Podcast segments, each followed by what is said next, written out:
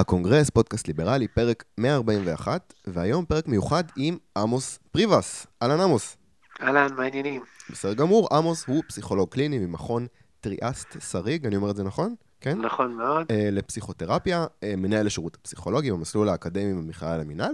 Uh, ולעמוס יש גם שני בלוגים ב, uh, באתר של הארץ, uh, בלוג אחד בשם passive aggressive, ובלוג בשם uh, חקירות uh, פנים. אני אשים כישורים. הסיבה שאני מדבר איתך, עמוס, היא מאמר מעניין ממוסף הארץ שקראתי בשבוע שעבר. Mm-hmm. מאמר על המתקפה על מצ'ואיזם. מתקפה נכון. תרבותית, אה, ממסדית, אה, שיח כזה שנבנה סביב התופעה הזאת, שיח ביקורתי. אתה מדבר על הבעיה במתקפה הזאת. בוא, בוא תספר לי קצת על, על, על המקור למתקפה ו, ו, ומה רע. אולי, אתה יודע, אולי ביקורת על מצ'ואיזם זה משהו ענייני. בוא, בוא תספר לי על המאמר הזה. שאלה מעניינת, תראה, אני... מבחינת הביקורת על המתקפה והמתקפה וכו', זה מסובך. אני חושב שבאופן כללי קשה, כל האזור הזה המגדרי, גברים, נשים, זה, זה אזור שמאוד קשה להיכנס אליו, יש כל כך הרבה רעש מסביב. אבל בגדול, העניין הוא שאני חושב שבאופן כללי יש איזו תנועה תרבותית לעבר איזושהי, נגיד, לא יודע מה, פמינציה, או זאת אומרת, שהשיח הגברי נדחק החוצה לטובת סוגים אחרים של שיח. אה, זה כמובן קשור לזה שבמקביל הפריבילגיות הגבריות... אה, רגע, בוא, בוא ניתן טיפה רקע, מה בעצם הביקורת? מה הביקורת על מצ'ואיזם? מה... במה מדובר? מה שאני מנסה להגיד זה שדווקא אני לא נגד המהפכה, אני פשוט נגד הגיליוטינות. אולי אני אתן את הפאנץ' כי אני רוצה לענות על מה שאמרת בהתחלה. Mm, אוקיי. זאת אומרת שהרעיון הוא שאי אפשר להגיד מה, מה הביקורת שמושמעת על מצ'ואיזם, כי אין ביקורת אחת, זה חלק מהרעיון שלי. זאת אומרת, הביקורת על המצ'ואיזם, יש המון המון אנשים ש, שמשמיעים אותה מכל מיני זוויות. זאת אומרת, יש ביקורת על מצ'ואיזם מהצד הפמיניסטי, שמתייחס למצ'ואיסט כאיזה גבר כוחני, שמתייחס לאחרים בצורה אלימה, ולא רואה אף אחד ממטר, ונגד איזושהי דמות כזאת. יש ביקורת על המצ'ואיזם מהצד ה... מחברות הקוסמטיקה, שמדברות על זה ש... אה, הגבר צריך להיות מטופח וכאלה שמייצרות איזה, הרי מצ'ואיזם זה דימוי שאפשר להשתמש בו בכל מיני אופנים. Mm-hmm. אז יש כל מיני כוחות שמבקרים אותו, יש גם כוחות שמבקרים את המצ'ואיזם גברים צעירים, mm-hmm. שמשתמשים בביקורת נגד המצ'ואיזם כדי כאילו להילחם באליטות הישנות. זרקת, עכשיו... זרקת, זרקת קוסמטיקה, ישר קפץ לי ה... מכיר את הפרסומת של אה, ג'ילט? או, זה בדיוק, תקשיב, זה מעולה שאמרת את זה, כי זה באמת אחד המקומות שמהם יצאתי למאמר הזה. אוקיי. Okay. זאת אומרת, מה שקרה זה שארגון הפסיכולוגים האמריקאי, ה-APA, הוציא איזשהו נייר עמדה בנושא שהוא כינה גבריות רעילה, toxic masculinity. ושם הוא דיבר על כל מיני היבטים בזהות הגברית שיכולים לפגוע בהתפתחות הנפשית, בחינוך הגברי וזה. עכשיו אתה אומר, אתה קורא את המסמך הזה, אפשר להגיד עליו כל מיני דברים, אבל אחד הסימנים הכי ברורים שיש לו בעיה, שהמושג toxic masculinity, שהוצע על ידי ארגון פסיכולוגים, אומץ מאוד מהר על ידי חברת גילוח, hmm. ששם היא מאיצה בגברים לא להיות toxic uh, males. Hmm. והדבר הזה, אתה אומר, רגע, יש פה משוואה מאוד מאוד בעייתית. קודם כל, יש פה איזה דמות של גבר שאנחנו רוצים לדחוק החוצה בשם כל מיני אג'נדות שדווקא אני אגב מאוד מתחבר אליהן, mm-hmm. של שוויון וכאלה. אבל אז אנחנו מתחילים להגדיר את הגבר הזה כאיזושהי הפרעה נפשית. זאת אומרת, הוא לא רק כוח מדכא חברתית, אלא גם ממש חולה. ואז החברות קוסמטיקה קופצות על העגלה, ויוצרות מין משוואה כזאת של, רגע, אז לגלח את הזקנים?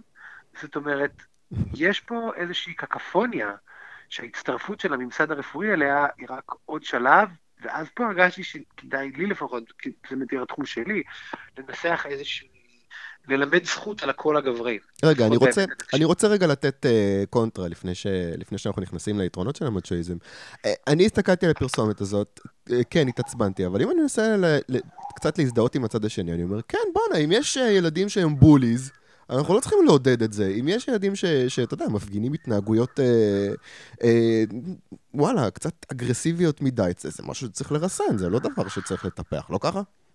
בטח. Okay. אוקיי. העניין פה, העניין פה, העניין פה הוא לא, הוא לא ה...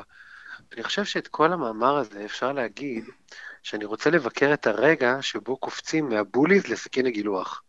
אוקיי. Okay. זאת אומרת, אין שום בעיה לבקר בריונות, אבל כשאתה מקשר בריונות אוטומטית לסוג מסוים של גבריות, ואז מסמל אותה דרך סכין גילוח, שפה אתה ממש מקשר אותה לגבריות, אתה יודע, באשר היא. Mm-hmm. זאת אומרת, גם לילד, גם לילד שהבוליז מרביצים לו גדלים זיפים.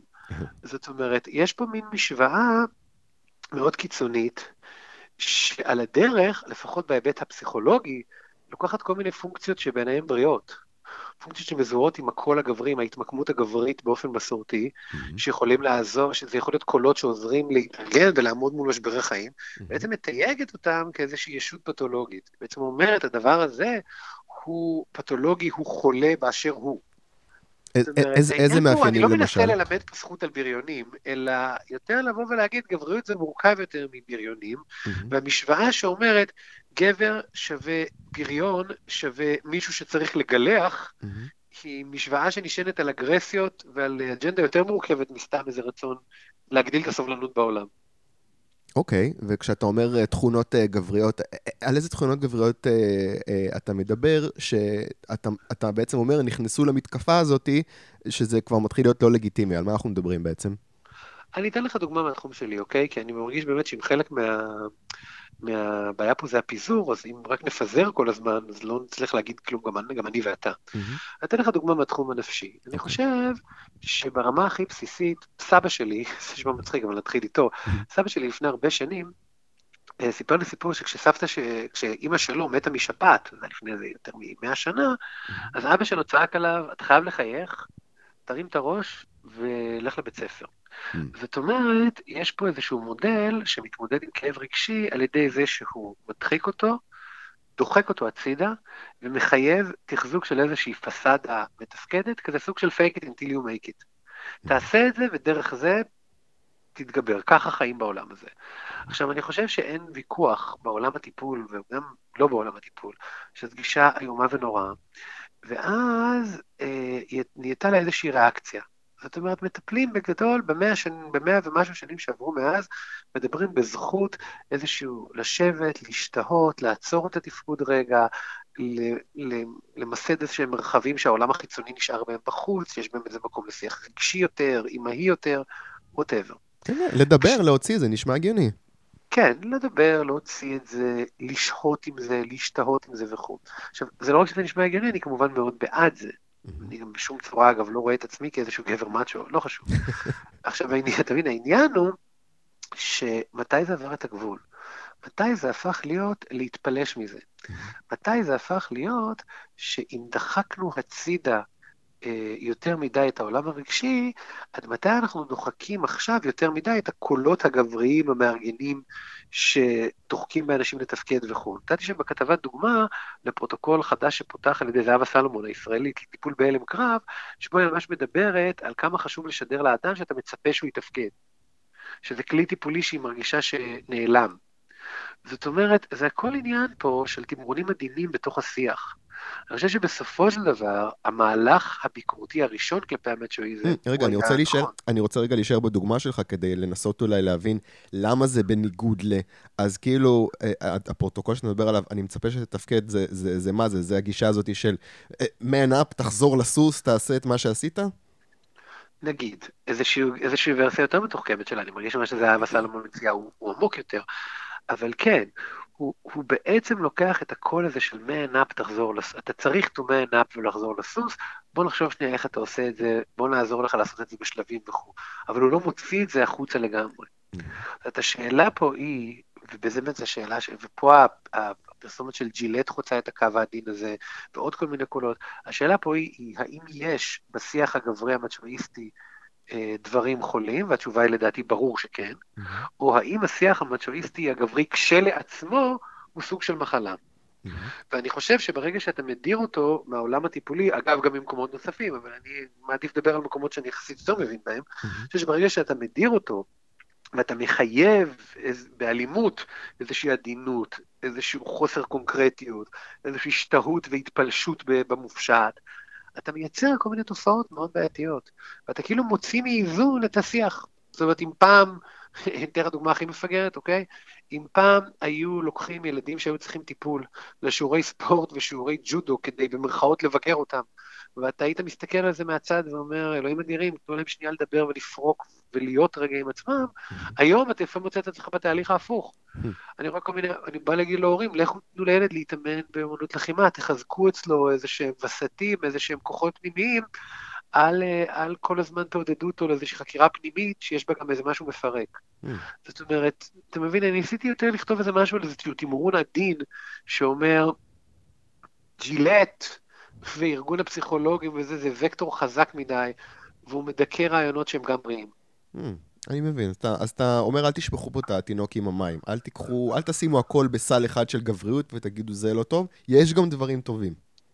זה נכון, ואני גם, אתה יודע, בגלל שאני פחות כאילו בקטע של להטיף, אז אני גם מנסה לתאר קצת, אני אומר, תקשיבו, אני חושב שא' זה מה שאנחנו עושים, וארגון הפסיכולוג, אני מדבר יותר, אתה יודע, קהילת הפסיכולוגים עומדת מזועזעת מהתפתחות הקואוצ'ריות. כאילו, פסיכולוגים לא מבינים איך פתאום נהיה להם מתחרה עצום בדמות כל מיני אנשים שעושים כל מיני קורסים באינטרנט בשתי דקות. ואני חושב שהקואוצ'ר עונה לאיזשהו צורך שהפסיכולוגיה התרחקה, הוא נושא איזה קול שהפסיכולוגיה התרחקה ממנו. הקואוצ'ר הוא כאילו מן האבא המצ'ואיסט שאומר, שב, שטוף פנים, נעשה לך רשימת יעדים, נהיה קונקרטיים, נהיה פרקטיים. אני חושב שברגע שהפסיכולוגיה ויתרה על הקול הזה, ואפילו הפכה אותו לפתולוגיה, אז ברגע שהחברה ויתרה על הקול הזה והפכה אותו לפתולוגיה, אז יש זן חדש של מטפלים, שזה מה שהם מציעים למטופלים שלהם, mm. אפשרות לדבר ככה. לא חשבתי על האופנה של הקואוצ'רים בזווית הזאת. אני חושב שזה הלב של הטיעון בעצם, זה המהלך שמעניין אותי להראות. אתה יודע, לאורך ההיסטוריה, טיפול תמיד היה המקום שבו רעיונות אסורים מקבלים ביטוי. היה, אצל פרויד היה אסור לדבר על סקס, אז בקליניקה היה אפשר לדבר על סקס, זה היה בזה משהו משחרר. ולא משנה, באנגליה של תחילת המאה, אז כל הילדים הלכו לפנימיות, והיית צריך להיות מאוד כזה מיושר עם הקולקטיב, אז המטפלים האנגלים, וויניקוט וזה, פיתחו איזה טיפול שאומר בוא נדבר עם הילד הפנימי שלך, שים שנייה את הסביבה בחוץ. אני חושב שעכשיו, כשהפכנו את השיח הגברי והקונקרטי לאיזה מין משהו נוראי, אז המון אנשים באים והם, אתה יודע, משלמים כסף כדי לצרוך אותו בטיפול. אתה יודע, אתה מקשיב לאלון גל כזה, אלון גל זה פשוט אבא מה-50's. כן. כן, כן. זה, זה המהלך שניסיתי כאילו להראות בתוך השיח החברתי. אה, לפני שאני ממשיך לנקודה הבאה, פתאום קפץ לי, אתה נתת פה את הדוגמאות של אה, הילדים, ש, שההורים לא, לא נותנים להם איזושהי פעילות אה, פיזית, אה, וטיפול אה, בהלם קרב. אני תוהה, פתאום קפץ לי, רגע, זה משהו שאני צריך לקחת גם לחיי יום-יום של מבוגרים נורמליים במרכאות? זאת אומרת, באיזה סיטואציות אה, באמת, אה, איך אני יודע שבסיטואציה מסוימת, אז יש לי איזושהי בעיה שאני צריך אה, לעצור, לדבר, ל- ל- לפתח את זה, ו- ובאיזה סיטואציה אני צריך, כאילו, אתה יודע, אוקיי, יכול להיות שאני צריך רגע לשים את זה בצד ולהמשיך הלאה. לתת לזה, אתה יודע, באמת, אה, לשים על זה פלסטר חושב, ולהמשיך. אני חושב שזו שאלה נהדרת. זה שאלת מיליון הזלוטי. אני חושב שזו שאלה שנורא נורא חשוב לשאול. ואני חושב שניסיתי קצת להתבאס בכתבה הזאת מזה שפסיכולוגים שואלים אותה פחות מדי לדעתי. שכאילו יש ניהול עמדות אפריוריות, כאילו יש איזו עמדה פסיכולוגית קלאסית שאומרת, לא משנה מה, חכה, תעצור, תשתהה ותחפור פנימה. שהיא בעצם איזו תמונת מראה שלילית בעיניי של העמדה הקודמת, שהייתה suck it up, man up, כאילו, אתה יודע. אני חושב שבין שתי העמדות, בין הדיכ... בתוך הדיכוטומיה הזאת, אתה צריך למצוא איזה מרחב שאומר באמת, לפעמים ככה ולפעמים ככה. אוקיי, אני רוצה להמשיך כדי שישאר לנו זמן לדבר על עוד כמה דברים. בוא נמשיך אה, בכיף. אוקיי, אז נקודה שאתה מעלה בסוף המאמר היא שהשימוש הציני שאנשים כמו טראמפ ופוטין עושים במתקפה הזאת על המצ'ואיזם, הם, הם מזהים בעצם שחלקים מהציבור סולדים מהמתקפה הזאת ומאמצים אה, סטריאוטיפים מצ'ואיסטים כמעט מגוחכים רק כדי לסמן, אנחנו נגד המתקפה הזאת, זה, אם זה טראמפ נכון. שמתרברב בכיבושים הנשיים שלו, אה, פוטין כן. שרוכב על סוס בלי חולצה. אתה פונה לאנשי הממסד הליברליים אה, שמנהלים את המלחמה במצ'ואיזם, ואומר מה, שהם אשמים שטראמפ ופוטין אה, קיימים? מה פתאום, מה פתאום. זה גם לא... אי אפשר to dumb it down לזה, תמיד היו מנהיגים חזקים ותמיד היו alpha males. העניין הוא ש... אתה יודע, ככל שהשיח הפוליטי נהיה יותר שטוח, בדיוק הסתכלתי אתמול על ה hearings של, אתה יודע, של טראמפ שם ב impeachment, זה מצחיק שכבר שני הצדדים מדברים ב hashtags, אתה יודע? טראמפ הוא כזה shifty Schiff, do nothing Dems, ודמוקרטים עונים לו כאילו we'll keep working for the country, כזה. אז ברגע שהשיח הוא מאוד מאוד שטוח, הוא בעצם שיח של דימויים.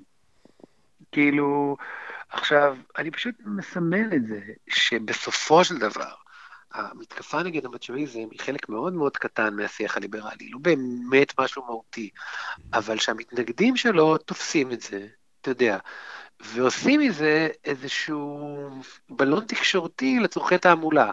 זה כמו, אתה יודע, זה כמו בכל שיח פוליטי, שאתה תיקח, אה, אנשי ימין ייקחו את הציוץ הכי, של האיש שמאל הכי זוטר, שיגיד צ'חצ'חים, mm. ויהפכו אותו להנה בבקשה, זה מה שהם חושבים עלינו, או שאנשי שמאל ייקחו את כל ה... הבדיחה הכי לא מתאימה ויגידו, הנה הם גזענים. אז באותו אופן, מה שטראמפ ופוטין, שניהם עושים, הם זיהו את הדבר הזה כאיזו נקודה שדרכה אפשר אה, לתקוף את השיח הליברלי, ואומרים, הם באים לסרס אותנו. הם באים לסרס אותנו, הם לא רוצים שנהיה גברים, הגבריות, זאת אומרת, זה איזושהי מניפולציה תקשורתית שהם עושים. די יעילה בעיניי. אוקיי, אה, הנקודה ברורה. אה, אני רוצה עכשיו רגע לקחת צעד אחורה, אנחנו ממש צללנו לתוך אה, נושא ספציפי, זה אחלה. אני רוצה קצת לקשור את השיחה שלנו למה שבדרך כלל אנחנו מתעסקים בו בפודקאסט. הקהילה שהפודקאסט הזה מכוון אליה, זה חבר'ה שרוצים לקדם בישראל קפיטליזם, שוק חופשי, צמצום מעורבות ממשלתית בחיים של הפרט. מה שמכונה בארצות הברית ליברטנים. אני, אני, אני, הייתה לנו שיחה מקדימה, אז, אז היה לנו כזה חצי ויכוח על כאילו, אני טוען שזה, ש, שזה ליברלים, ש, שבעצם האג'נדה שאנחנו מדברים עליה היא אג'נדה ליברלית, ושהשימוש הנפוץ כרגע בליברלי זה המושג כאילו נחטף על ידי אה, אה פרוגרסיבים. על ידי, לא... הקומוניסטים, כן. אוקיי. הם נוטים להלאים דברים, סתם, כן? כן, בדיוק. אבל אני לא רוצה להתווכח על זה, פשוט להבין למי אנחנו אה, אה, מדברים. ואני רוצה לדבר איתך עכשיו על חופש אה, מול אה, ביטחון אה, אה, מזווית אה, מסוימת. אה, רוב הוויכוח בנושאים שאנחנו מתעסקים בהם מתנהל על בסיס מושגים כמו פערים, כשלי שוק, הגדלת עוגה, תמריצים, שאלות של מה עובד, מה לא עובד, רגולציה. אה, אני רוצה לדבר דווקא על חופש וביטחון, כי אני רוצה לדבר קצת על עקרונות פילוסופיים שמאחורי שתי גישות שנמצאות בבסיס hmm. הוויכוח בין קפיטליסטים וסוציאליסטים. נגיד גם, אני מכניס גם את הסוציאל דמוקרטים לסל הזה, אה, וזה שקפיטליזם מנסה, לטענתי, להתחבר אל הכמיהה שלנו לחופש, אה, וסוציאליזם אל הכמיהה שלנו לביטחון. קפיטליסט יגיד, שמע, אה, החיים שלך האחריות שלך, זו הרפתקה, זה חוסר ודאות, יכול להיות שתצליח בגדול, יכול להיות שתיכשל בגדול, אבל זה שלך, אתה עצמאי. סוציאליסט יגיד, בוא, העולם קשה וקשוח, אני אגן עליך, אני מבטל את חוסר הוודאות שלך, אתה לא תהיה מיליונר, לא יהיו לך הרפתקאות במידה מסוימת, אבל אה, אני מנהל הרבה מההחלטות שלך, אבל אני דואג לך. תהיה לך מיטה ופרוסת לחם ורופא וחינוך וביטחון. אה, עכשיו, אחרי כל ההקדמה הזאת, אני רוצה לקשור את זה דווקא לתיאוריה שדיברת עליה בפודקאסט אחר, אני אשים קישור שלו, פודקאסט בשם EPGB, דיברת שם על אריך פרום, והתיאור שלו כן. של המתח בין שאיפה לחופש מול השאיפה לביטחון. וזה נראה לי קישור מעניין לוויכוח האינסופי הזה בין קפיטליזם וסוציאליזם. בוא תספר לי על התיאוריה של פרום. אני חושב שזה ניתוח מאוד יפה. אני גם כתבתי בבלוג של החקירות פנים, אני בעצם עונה לשאלות שקוראים שולחים לי. Mm-hmm. אז בעצם הדבר הזה, גם אני הכנסתי אותו בהקשר של חרדות כלכליות מאוד גדולות. Mm-hmm. במובן הזה ש... ש... אני מסכים עם הניתוח, אני חושב שזה קודם כל תיאוריה של פסיכולוג פוליטי בשם פרום, mm-hmm. שזאת אומרת, זה מאוד, הרעיונות שלו מאוד הם זורמים עם העולם הזה, mm-hmm. של החופש והביטחון וההסתכלות על הדברים בתור... בתור כאילו איזה פער, זאת אומרת שאנחנו, יש בנו איזה משהו שרוצה כל הזמן לצמצם, להישאר במקום הבטוח, ונגיד, לצורך העניין, המוכר. לא יודע, אפילו המשפחתי באיזשהו אופן. ויש משהו ביצר המיני וביצרים שבאים אחריו, שדוחפים לאיזה ביטוי, לגילוי של מושאים חדשים, יש באמת איזה פער בין הרצון לחופש והרצון בביטחון. פורום גם מדבר הרבה על המנוס מהחופש, על הרעיון שהרצון שלנו להיות חופשיים, והוא מפחיד אותנו, אז אנחנו מוצאים כל הזמן דרכים להגביל אותו, כל הזמן חרדים, אנחנו בעצם מפחדים שהוא ירחיק אותנו ממה שאנחנו אוהבים ומכירים, אז אנחנו כל הזמן מנסים לדכא את תאוות החופש של עצמנו, כאילו.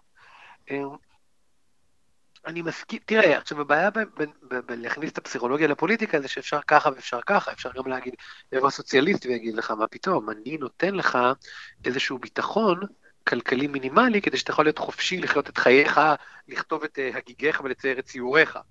זאת אומרת, הקפיטליזם ישעבד אותך לאיזושהי מכונה ואני משחרר אותך ממנה.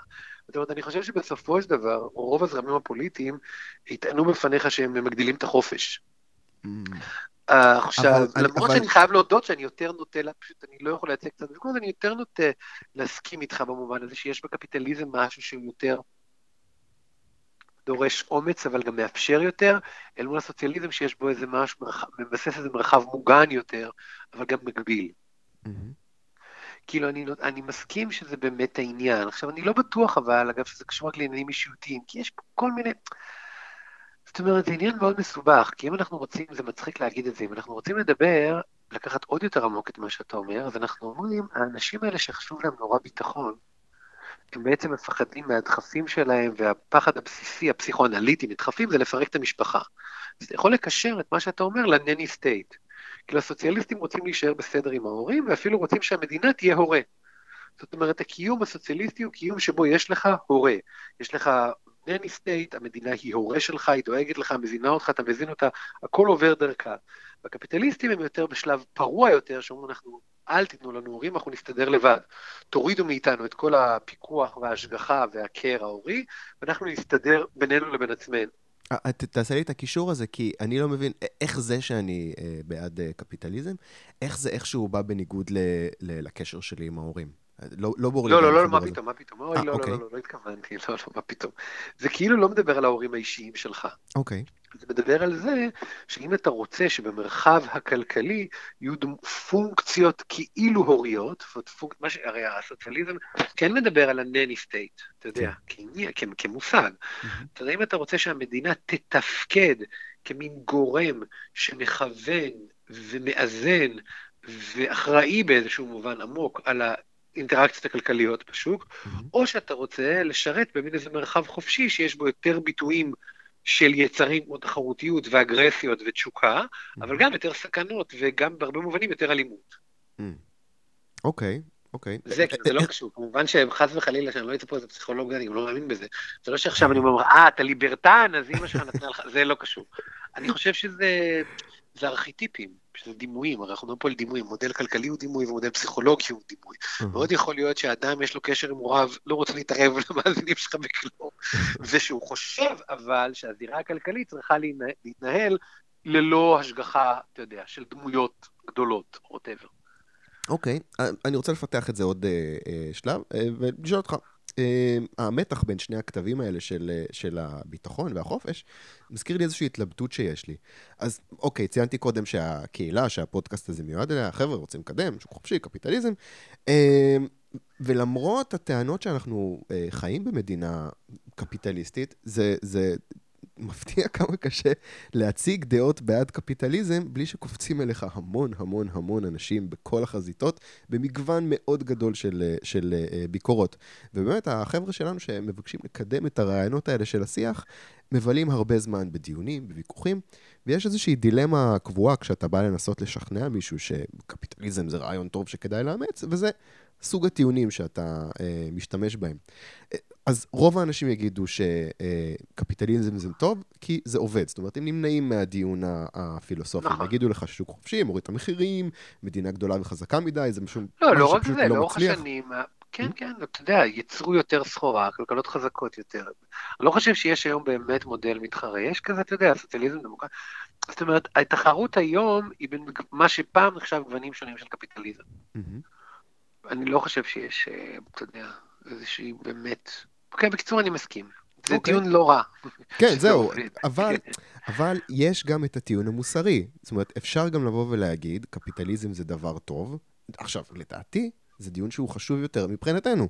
חשוב יותר מהטיעון התועלתני, להגיד שקפיטליזם זה עובד. למה? כי הצד השני, האנשים שהם אה, בוויכוח מולנו, אנשים שרוצים מדינת רווחה גדולה יותר. אה, אני מרגיש שברגע הזה של התרבות שלנו, הם מחזיקים את מה שנקרא באנגלית ה-moral high ground. moral high ground. בדיוק. כן. הם נתפסים כצד הצודק, אה, אה, ואני נתפס כמה שאנחנו מכנים בדיונים שלנו הפנימיים, אוכל עניים. אני איזשהו טרול מרושע כזה שלא אכפת לו מכלום חוץ מעצמו.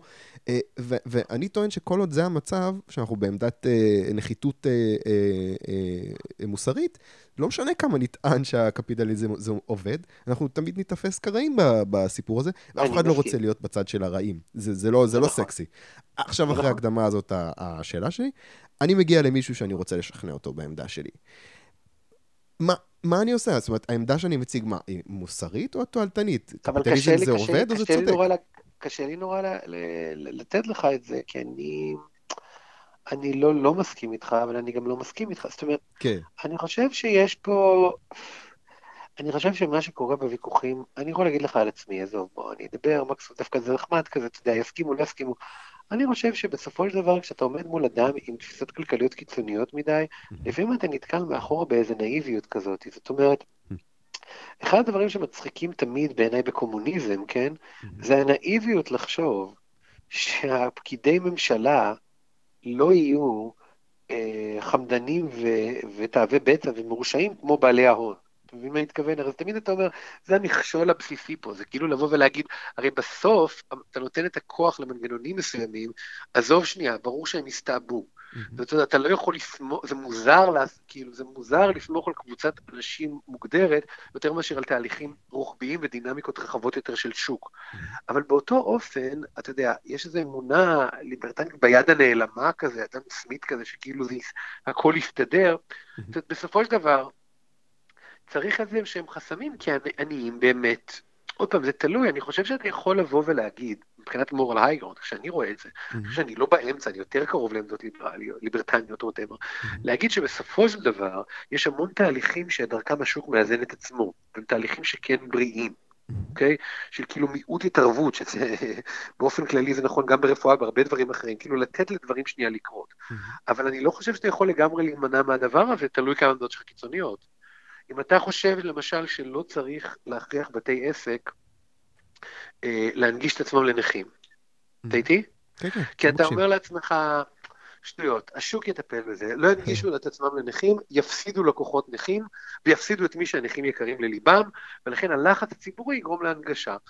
זה, אני אקח דווקא נקודה שאנחנו לא מסכימים ושיהיה לנו כיף להתווכח. אז אני אומר, זה לא נראה לי אה, דבר שיקרה, בגלל שא', אני פשוט עסוק בזה כי אני מכיר את זה מקליניקה, ההנגשה עצמה היא מאוד יקרה, הרבה פעמים לא כלכלית ביחס למחזור שהאנשים שזקוקים לה באמת יכולים להכניס לבית העסק. ולאורך זמן יכול להיות שיהיה מין השטג כזה, איזו אופנה לאחרי מקומות לא נגישים, אבל היא לא תשרוד.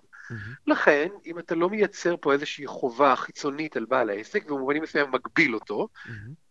אז אה, אני לא בטוח שהשוק ידאג לנכים. אני חושב שבהחלט יכולה להיות לך חברה שבה אדם שסובל מפגיעה פיזית, כולל אדם שנפצע בצבא ונלחם לך, בלה בלה בלה, אתה רוצה שנרטיב את הוויכוח, כן? Mm-hmm. אדם ש... סביב לפגיעה פיזית או נכה, אה, תהיה לו חוויה קשה, כי יהיו המון מקומות שיהיו סגורים בפניו, והמון אפשרויות אה, ודברים שהוא לא יכול לקחת בהם חלק. במובן הזה המדינה כן יכולה למשל להתערב פה ולהכריח אנשים לעשות את זה, למרות שזה צעד שאין בו... זאת אומרת, המחשבה שההיגיון הכלכלי וההיגיון המוסרי חופפים, היא נאיבית בשני הצדדים בעיניי. Mm, אוקיי. זה שאני מנסה להגיד, נגיד כדוגמה, כן? סליחה אם פה חפרתי, אבל זה הרעיון. אני מבין מה אתה אומר, אני מבין אה, מה שאתה אומר על הנאיביות, אה, אבל אני כן מרגיש, בוא, שיהיה ברור, אין לי איזה שהם אה, חלומות שבאמת נהפוך לאיזושהי מדינה ליברטנית קיצונית, אתה יודע, הממשלה לא עשה כלום חוץ מצבא, משטרה, בית משפט, זה לא, זה לא מה שאני חושב שיקרה, אני גם לא בטוח שזה רעיון טוב. לא, השאלה אם אתה חושב שזה רעיון טוב, כי אני חושב... חושב שאין ספק כיום, אתה מסתכל על הבירוקרטיה שישראל נמצאת בה, אתה מסתכל על המערכות, אין ספק שישראל צריכה בעיניי לקחת צעד לכיוון הליברטני. אבל אני חושב שמה שאנחנו מדברים עכשיו זה מין ויכוח, בדיוק אמרת, אתה לא רוצה ויכוח פרקטי, אלא ויכוח אתי כזה. אני חושב שהחזון, שחלק מהליברטני... אני אגיד לך למה אני חושב שזה קשור, כי כדי שיהיה הצעד הזה, אני מאמין שצריך קבוצה של אנשים שהם, אה, מה שנקרא, true believers, שזה לא איזה משהו שאתה יודע, אתה מאמץ כזה, כן, כזה רעיון טוב, היום ככה, מחר אה, אה, ככה. וכן, אני, אני מבין כאילו את ה... אה, לא יודע, לקרוא לזה נאיביות בוויכוח המוסרי, אבל וואלה, זה כן חשוב שכאילו... אני, אני אגיד לך מה, מה, מה הכוונה. יש, יש, אה, דיברנו על שני, אני חוזר למה שדיברנו קודם, יש את שני הדחפים האלה, יש את הדחף של הביטחון ויש את הדחף של החופש. אני מרגיש ש, שאנשים הרבה יותר משתכנעים בהצדקה של המוסדות שידאגו לביטחון.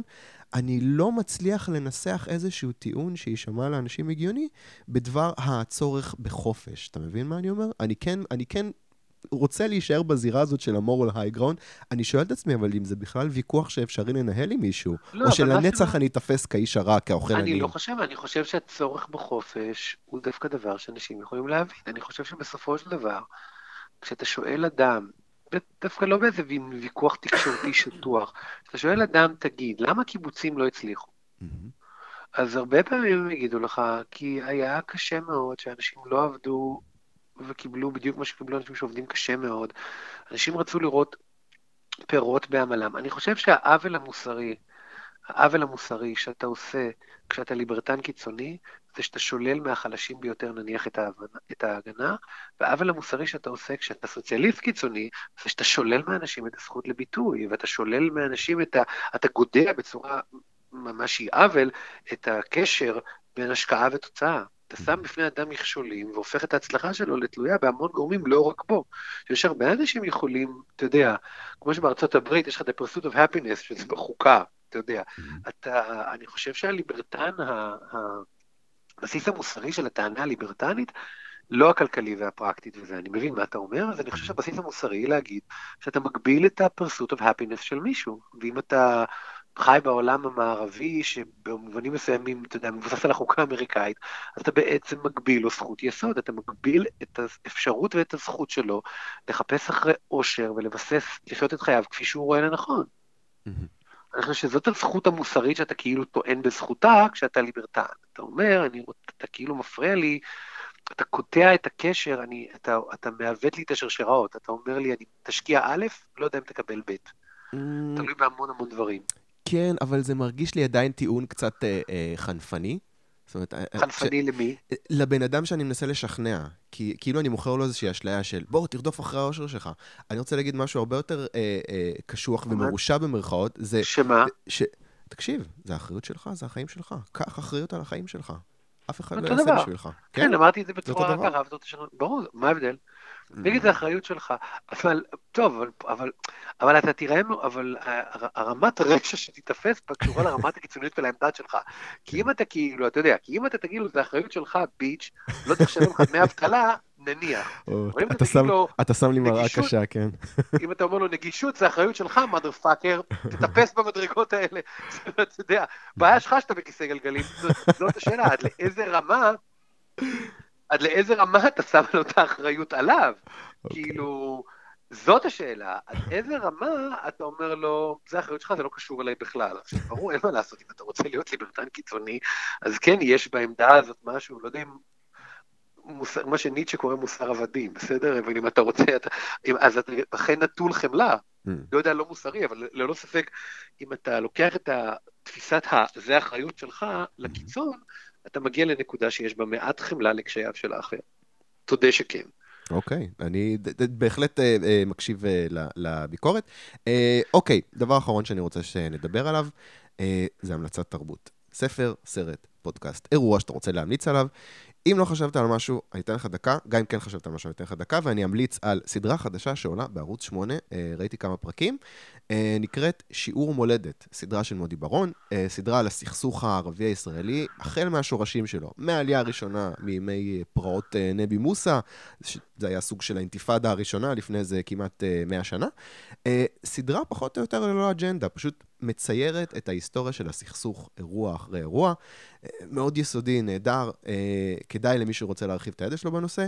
שיעור מולדת מודי ברון בערוץ 8 בהוט. עמוס, מה ההמלצה שלך? וואו, לא, אה, אה, ביאסת, באתי להגיד פליבג, כי יש לי מלא המלצות, אבל אף אחד יא, מהם תגיד לא- פליבק, לא וואו. בעומק התרבותי, אמרתי, די, לא, כתבתי על מצ'ואיזם תן. שאני לא יודעת איזה... פליבג, זוכת אמי, סדרה מדהימה, הומור נשי, כאילו מבריק, אתה מסתכל... איפה רואים את זה? פליפ, זה באמזון פריים. וזה זמין בארץ? זה... סליחה, אתה ליברטריאן, לא? מה אתה עכשיו? אה, הופה, הנה? זה זמין? בארץ, לא. סליחה. קודם כל אמזון פריים זמין בארץ. אפשר לעשות מנוי של אמזון פריים. זכויות קניין. מכבד. באופן כללי אני ממליץ על אמזון, אני חייב להגיד שבאופן כללי אני אולי ממליץ על אמזון פריים. אוקיי. אני חושב שכולם רואים נטפליקס, כן. אמזון פריים הוא לא יקר, בטח לא בזאת, ויש שם כמה סדרות, יש שם פליבג, יש שם The Boys, מין סדרת super heroes, כזאת שמעתי על טרשית זה. אבל חכמה, אוקיי. כאילו שווה לעשות אמזון פריים. זה לא, זה כזה, בגלל שזה אמריקה, אפרופו הנה, פרסומת לליברטניוס, אז זה לא כמו יס והוט, זה לא 300 שקל בחודש, זה יותר קרוב ל-50-60 בחודש, ויש שם אחלה סדרות, ביניהם פליבג המעולה בעיניי. אוקיי, מה- מה זה פליבג? בוא תגיד מילה.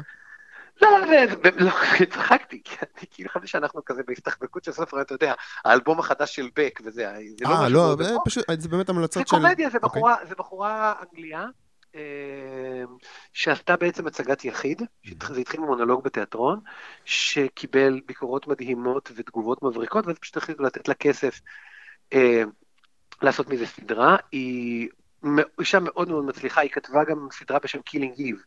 להרוג את איב, Mm. שנחשבת יותר מוצלחת כזאת ו- וכזה טרשת, אבל היצירה האישית שלה יותר זה פליבג. זו סדרה על החיים בלונדון, על מין בחורה אבודה כזאת, שהיא נזרקת ממקום למקום, אבל זה מאוד מאוד מצחיק, וזה כתוב מאוד טוב, וזה מרגש, וזה...